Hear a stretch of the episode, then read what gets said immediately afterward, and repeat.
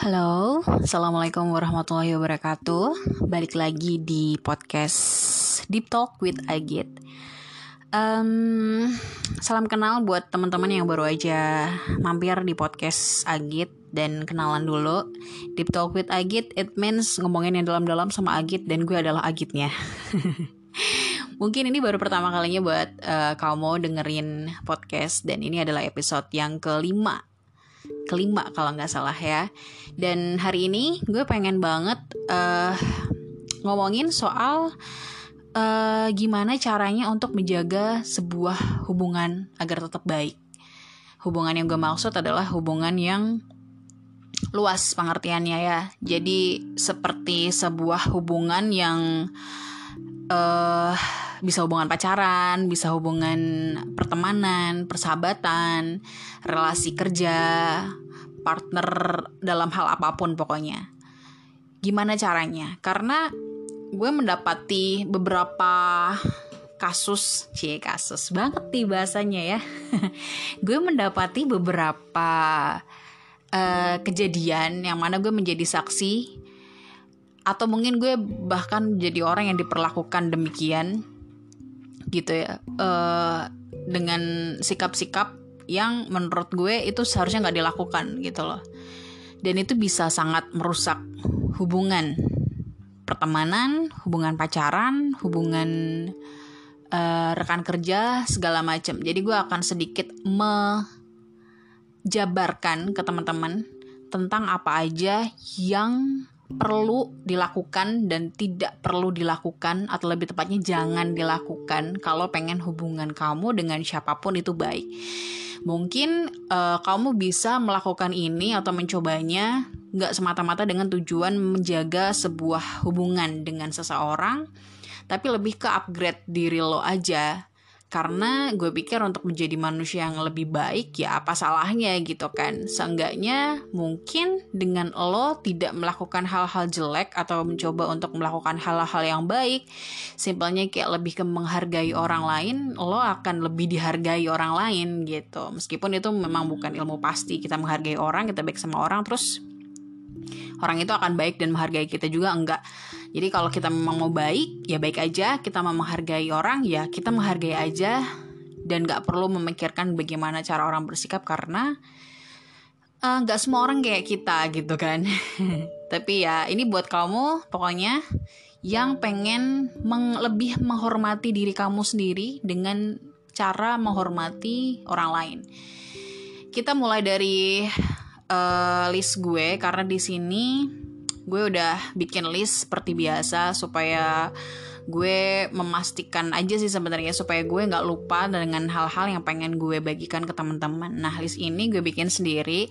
Jadi kalau seandainya teman-teman kepikiran satu atau dua poin yang mungkin seharusnya ada di dalam list gue tapi nggak ada, I hope you understand dan kamu bisa melakukan itu melakukan itu sendiri gitu loh untuk menambahkan list itu untuk menjadi satu tantangan atau challenge buat lo untuk lo lakukan ke depannya. Gila, ternyata udah hampir 4 menit aja nih gue baru opening padahal ya. ya udah biar nggak terlalu lama, kita lanjut langsung ke nomor satu atau poin satu ya. Kalau kamu pengen menjaga hubungan dengan orang lain hubungan apa pun itu hal yang paling penting untuk dilakukan yang gue taruh di nomor satu adalah respect. Respect itu penting banget Respect itu penting banget ya karena kalau lo nggak respect, lo nggak menghormati orang lain itu bisa sangat berbahaya buat diri lo sendiri, nggak cuman sekedar menghancurkan hubungan aja. Simpelnya gini, respect itu bisa dilihat dari cara lo bersikap ke orang itu, apakah lo menghormati sesuai dengan uh, cara menghormati yang tepat gitu. Ntar dulu, ntar dulu.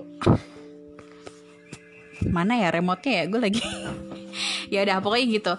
Uh, terus hal yang nggak boleh dilakukan ketika lo mencoba untuk respect sama seseorang adalah nggak ngomongin di belakang itu penting banget karena beberapa orang punya circle yang berbeda-beda gitu ya kayak misalnya uh, circle per, circle pekerjaan, circle teman main, circle teman curhat, segala macam yang mungkin dari beberapa orang yang circle-nya berbeda dalam kehidupan lo itu kenal satu sama lain gitu loh. Teman curhat lo kenal sama teman kerja lo, teman kerja lo kenal sama teman main lo yang kayak gitu-gitu. Dan uh, gimana caranya supaya lo tuh nggak ngomongin di antara orang-orang itu gitu. Nggak ngomongin salah satu di antara orang-orang itu. Lo lagi sama A lo jangan ngomongin si B. Ketika lo lagi sama si A lo jangan ngomongin si B. Dan ketika lo lagi sama si B lo jangan ngomongin si C yang kayak gitu-gitu. Itu adalah salah satu bentuk respect. Karena ketika lo ngomongin kayak gitu orang juga bisa menilai gitu loh. Ketika lo ngomongin teman lo di belakang orang bisa menilai bahwa ini teman macam apa? Satu itu. Dua kalaupun ketahuan nantinya bahwa lo ngomongin di belakang itu bisa sangat membahayakan hubungan lo sama orang yang lo omongin dan bisa sangat merusak citra diri lo sendiri. Jadi I think it's kinda important thing untuk nggak dilakuin kalau kamu pengen menjaga sebuah hubungan ya yaitu respect. Selain itu respect bisa dilakukan dengan tidak melakukan hal-hal di luar komitmen. Misalnya kamu punya komitmen pekerjaan sama seseorang dengan sesuai job desk. Terus kamu punya komitmen sama pekerjaan itu bahwa kamu tidak boleh melakukan ABCD bisa biasanya gini kalau lo nerima job dari seseorang lo nggak boleh nerima job dari orang lain kan gitu. Atau mungkin lo ambil kerjaan di satu perusahaan lo nggak boleh ngambil kerjaan lah di perusahaan yang sama yang bergerak di bidang yang sama gitu. Lo nggak boleh kayak gitu. Dan itu sangat menyalahi komitmen. Biasanya hal-hal yang kita lakukan dan menyalahi komitmen itu bisa kita rasakan sebenarnya yaitu dengan kita yang merasa harus melakukannya sembunyi-sembunyi. Jadi kalau kita ngerasa takut ketahuan, kita ngelakuin itu sembunyi-sembunyi ya itu udah menyalahi komitmen. Simpelnya kayak hubungan pacaran, kalau menyalahi komitmen pasti lo sembunyi-sembunyi. Kayak misalnya kamu nggak boleh keluar nih sama uh, cowok lain ketika kamu pacaran sama satu cowok misal dan ketika kamu keluar sama cowok lain dan kamu sembunyi-sembunyi kamu sadar sebenarnya bahwa itu adalah menyalahi komitmen. Dan dua sikap itu adalah contoh bahwa kamu tidak respect dalam sebuah hubungan dan tidak respect kepada orang yang berada dalam hubungan itu sama kamu. Gitu ya. Kita lanjut ke poin kedua yaitu jujur. Jujur itu penting banget karena gue bilang bahwa uh, kejujuran itu adalah mata uang yang berlaku di mana-mana gitu loh. Kalau jujur, kalau lo jujur sama diri lo sendiri, lo akan sangat mudah diterima oleh siapa pun, di mana pun, di lingkungan apa pun itu gitu loh. Gue bahkan punya ungkapan tentang kejujuran ini kalau jujur ini adalah sebuah bakat gitu loh. Jujur adalah sebuah bakat dan selalu berbohong adalah penyakit. Jadi kalau orang selalu jujur dalam hal apa pun, yang penting ya, maksudnya yang penting yang ya jujur lah dia jujur aja gitu. Sesuatu yang dia tahu dan naluri dia berkata bahwa ini gue harus ngomong jujur apa adanya itu bakat gitu loh. Tapi kalau orang yang selalu bohong ya itu penyakit. Karena orang yang selalu bohong ya I think mereka akan terdorong untuk melakukan kebohongan terus gitu loh. Karena sekali lo ngelakuin kebohongan lo pasti sering denger ya sekali lo ngelakuin kebohongan kamu akan terdorong melakukan kebohongan-kebohongan lain untuk menutupi kebohongan kamu itu gitu kan. Jadi aku pikir uh, untuk menjaga sebuah hubungan tetap baik adalah dengan bersikap jujur itu masuk akal banget. Karena beberapa orang bahkan nggak suka dibohongin walaupun itu menyakitkan. Dia mendingan tahu sakit sekalian dengan kejujuran itu.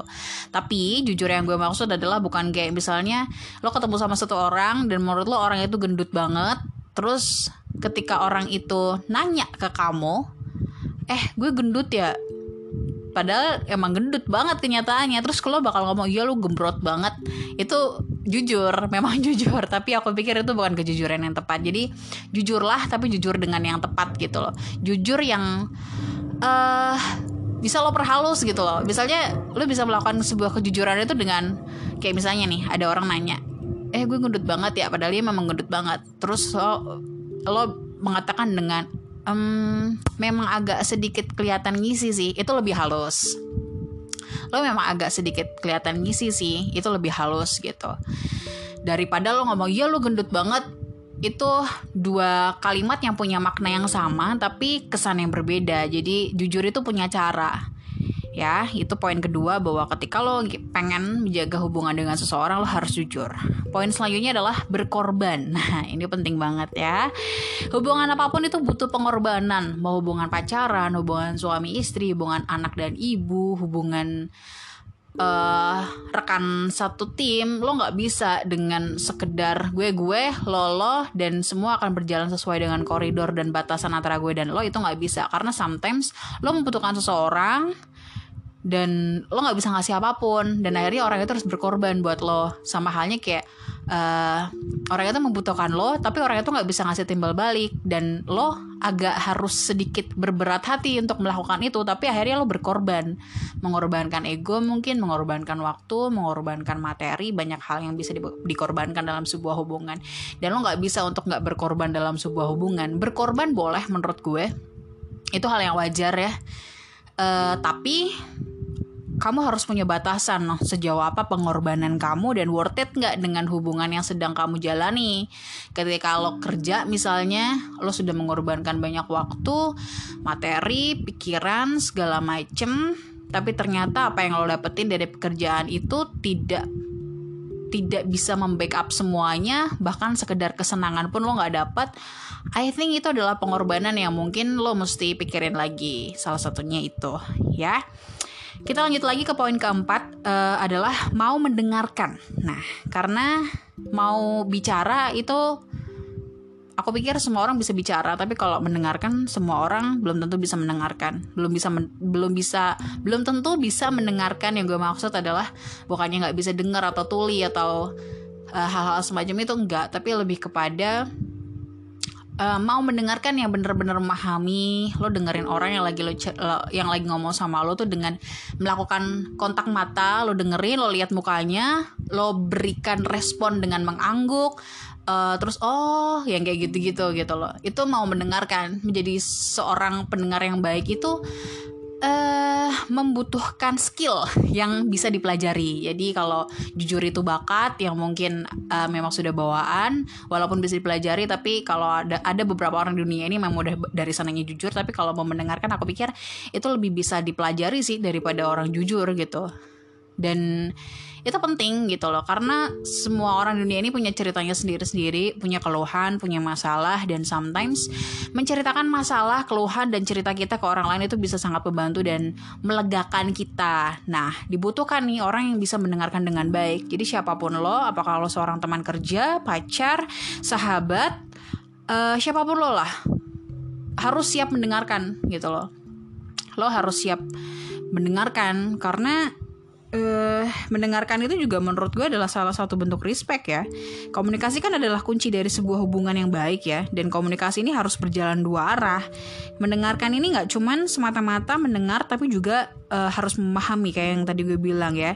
Dan orang yang nggak berusaha mendengarkan adalah orang yang egois. Lo cuman pengen mau ngomong, tapi lo nggak mau dengerin, jadi suka hati lo aja. Lo nggak boleh menjadi orang yang seperti itu. Orang yang egois hidupnya sendirian. Itu poin keempat. Poin kelima adalah rasa peduli.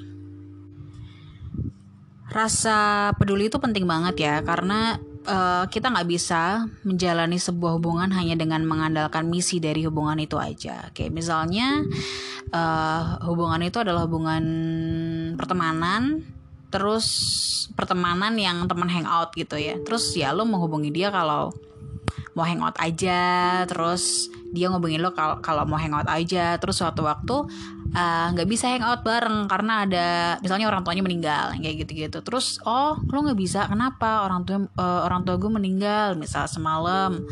Gue lagi berduka nih. Terus oh ya udah udah gitu doang nggak bisa. Lo harus menunjukkan rasa peduli itu rasa simpati itu dan lo datengin ke rumahnya memberikan uh, kekuatan memberikan support yang kayak gitu-gitu. Itu adalah rasa peduli. Uh, contoh lebih simpelnya adalah kayak ada masalah gitu loh. Lo ketemu sama teman kantor lo yang lagi sedih yang sebenarnya sebelumnya lo nggak deket-deket amat sama dia. Tapi ketika lo mendapati teman kantor lo ini masang muka murung di kantor lo nggak bisa dengan gampangnya naruh berkas yang memang harus dia urus dan harus harus uh, harus dikerjain gitu tanpa peduli apa yang sedang terjadi sama teman kantor lo. Jadi rasa peduli itu penting. Wujudnya ya dengan memberikan support sup, uh, mendengarkan menemani menguatkan yang kayak gitu gitulah dan memahami perasaan memahami perasaan itu penting banget karena ada istilah toxic positif eh positif toxic apa kebalik ya jadi positif toxic atau toxic positivity itu adalah satu ungkapan buat ketika kamu ini memberikan uh, positive vibes memberikan support, memberikan semangat ke orang yang lagi mengalami guncangan emosi yang hebat tanpa memahami perasaannya terlebih dahulu. Jadi itu salah banget. Agak sedikit keluar dari topik kita bahas toxic positivity atau positive toxic. Itu lebih kepada uh, sikap yang menyebalkan. Jadi kayak contohnya gini, contohnya gini. Mungkin kalau gue menjelaskan apa maknanya agak sulit ya, tapi kalau gue jelasin contohnya mungkin akan lebih mudah ditangkap. Uh, jadi kamu lagi ada masalah, masalah itu sangat hebat dan itu membuat kamu tuh ngerasa nggak nyaman, sangat sedih, emosional, kamu nggak bisa ngapa-ngapain. Terus tiba-tiba ada orang datang yang mungkin itu adalah teman kamu, teman kamu ya, bukan orang asing. Teman kamu ini ngasih posit ngasih positive vibes kayak gini. Dia tahu-tahu datang kamu kenapa? Terus kamu ceritain masalah. Terus kamu langsung eh, teman-teman kamu tuh bilang gini udah nggak apa-apa itu pasti ada hikmahnya. Udah kamu tenang aja. Kamu tuh harus bisa mengambil hikmah dari masalah ini. Ini tuh bisa terlewati segala macam. Nah itu toxic. Karena itu akan menyebalkan. Menyebalkan banget buat lo yang lagi sangat emosional dan lagi menghadapi sakit-sakitnya masalah itu gitu kan atau lagi menghadapi imbas pada hati kamu gitu kan tentang masalah itu. Jadi uh, yang dibutuhkan pada pada seseorang yang sedang ditimpa masalah yang mengguncang sisi emosionalnya itu lebih kepada kayak uh, kamu didengarkan ekspresi emosinya tuh didengarkan, dilihat dan dipahami gitu. Jadi kalau kamu pengen mensupport seseorang, jangan langsung menyuruh dia untuk kuat menjalani, tabah, mengambil hikmah. Ah nggak apa-apa itu biasa aja. Kamu bukan satu-satunya orang yang mengalami itu di dunia. Jangan, tapi kamu dengerin dulu keluhan-keluhan dia, terus oh iya ya kok bisa gitu sih gila aku ngerti pasti kamu sekarang lagi kesel banget udah kamu tenang aja deh pokoknya kamu tenang aja semua ini pasti bakal terlewati nah dua poin itu penting yang pertama harus memahami dulu perasaannya hmm, mendengarkan keluhan-keluhannya. Pokoknya biarkan dia untuk meluar, mengeluarkan semua itu. Kalau dia udah reda baru lo kasih positive vibes. Kayak gitu ya oke? Okay? kita lanjut lagi ke poin selanjutnya. Jadi agak out of the topic gitu kan uh, poin selanjutnya dalam menjaga hubungan dengan orang lain. Mana nih tadi list gue hilang? Sebentar sebentar sebentar. Agak agak lama nih. Nah tadi kita sampai di rasa peduli ya. Intinya kita nggak bisa menjalani hubungan tanpa mengandalkan eh hanya dengan mengandalkan misi dari hubungan itu aja. Dan kamu harus memahami konflik apa yang sedang terjadi dengan temanmu dan kamu harus menunjukkan kepedulian. Nah, poin yang keenam adalah tahu diri. Hmm, ini penting banget karena orang yang nggak tahu diri itu bisa bikin ilfil dan kalau udah ilfil rusaklah sebuah hubungan kan gitu kan. Atau kamu akan dijauhi karena kamu bikin ilfil dan itu sering banget terjadi. Tahu diri adalah uh, dengan memahami konteks hubungannya seperti apa. Kamu siapa dia siapa dan jangan menuntut lebih dari hubungan itu. Kamu harus memahami itu. Jadi kayak misalnya uh, kamu sama dia sebatas teman kerja ya harus profesional gitu loh. Jangan menuntut dia sebagai teman curhat kalau dia nggak mau dia menganggap kamu tuh sebagai teman kerja teman kerja gitu. Yang kayak gitu gitulah itu sebenarnya insting ya. Kalau lo menemukan sebuah kecocokan pada temen yang hubungannya kamu mulai dengan pekerjaan ya itu akan berjalan dengan sendirinya. Tapi kalau kamu punya insting itu sedangkan dia nggak punya insting itu kamu punya insting untuk menjadikan dia temen tapi dia enggak ya itulah yang harus dilakukan yaitu tahu diri. Penting banget untuk tahu diri karena dengan mengetahui kamu siapa dalam hubungan itu dan dengan mengetahui kapasitas diri kamu, kamu bisa lebih berhati-hati dan menjaga perasaan orang lain, gak mengganggu dan gak masuk ke dalam lingkup yang kamu tidak ada di dalamnya. Gak masuk ke dalam lingkaran yang kamu tuh tidak ada di dalamnya. Jadi itu penting banget. Itu yang keenam. Dan yang terakhir, aku nggak tahu sih ini seharusnya ada di posisi poin keberapa, tapi ini yang ketujuh dan ini sangat penting, tidak kalah pentingnya, yaitu apresiasi apresiasi ini gue uh, apa ya gue uh, interpresentasikan dalam tiga magic words yaitu thank you, sorry, and please. Jangan lupa untuk bilang thank you untuk semua kebaikan yang teman lo kasih. Kebaikan, pertolongan, apa pun itu. Selama lo merasa bahwa itu adalah kebaikan, lo harus mengucapkan terima kasih. Dan jangan pernah lupa untuk ngomongin sorry atau minta maaf ke teman lo ketika lo melakukan sesuatu yang uh, lo sadar itu salah.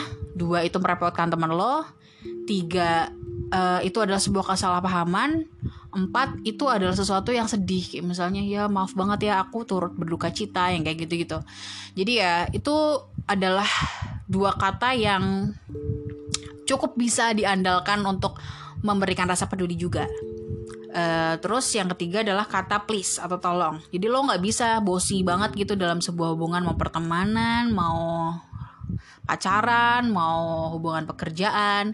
Eh ambilin itu dong. Nggak bisa kayak gitu. Eh parkirin mobil gue dong. Nggak bisa kayak gitu. Jadi harus eh gue minta tolong ya parkirin mobil gue bisa nggak? Gue lagi ribet nih bla bla bla segala macam.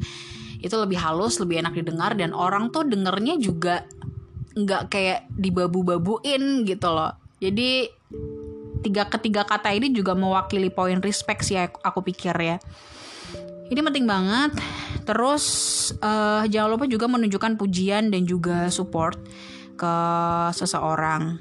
Itu juga masuk ke dalam poin apresiasi. Jadi kalau semisal ada teman lo yang melakukan sebuah hal baik ke lo, ya apresiasi gitu.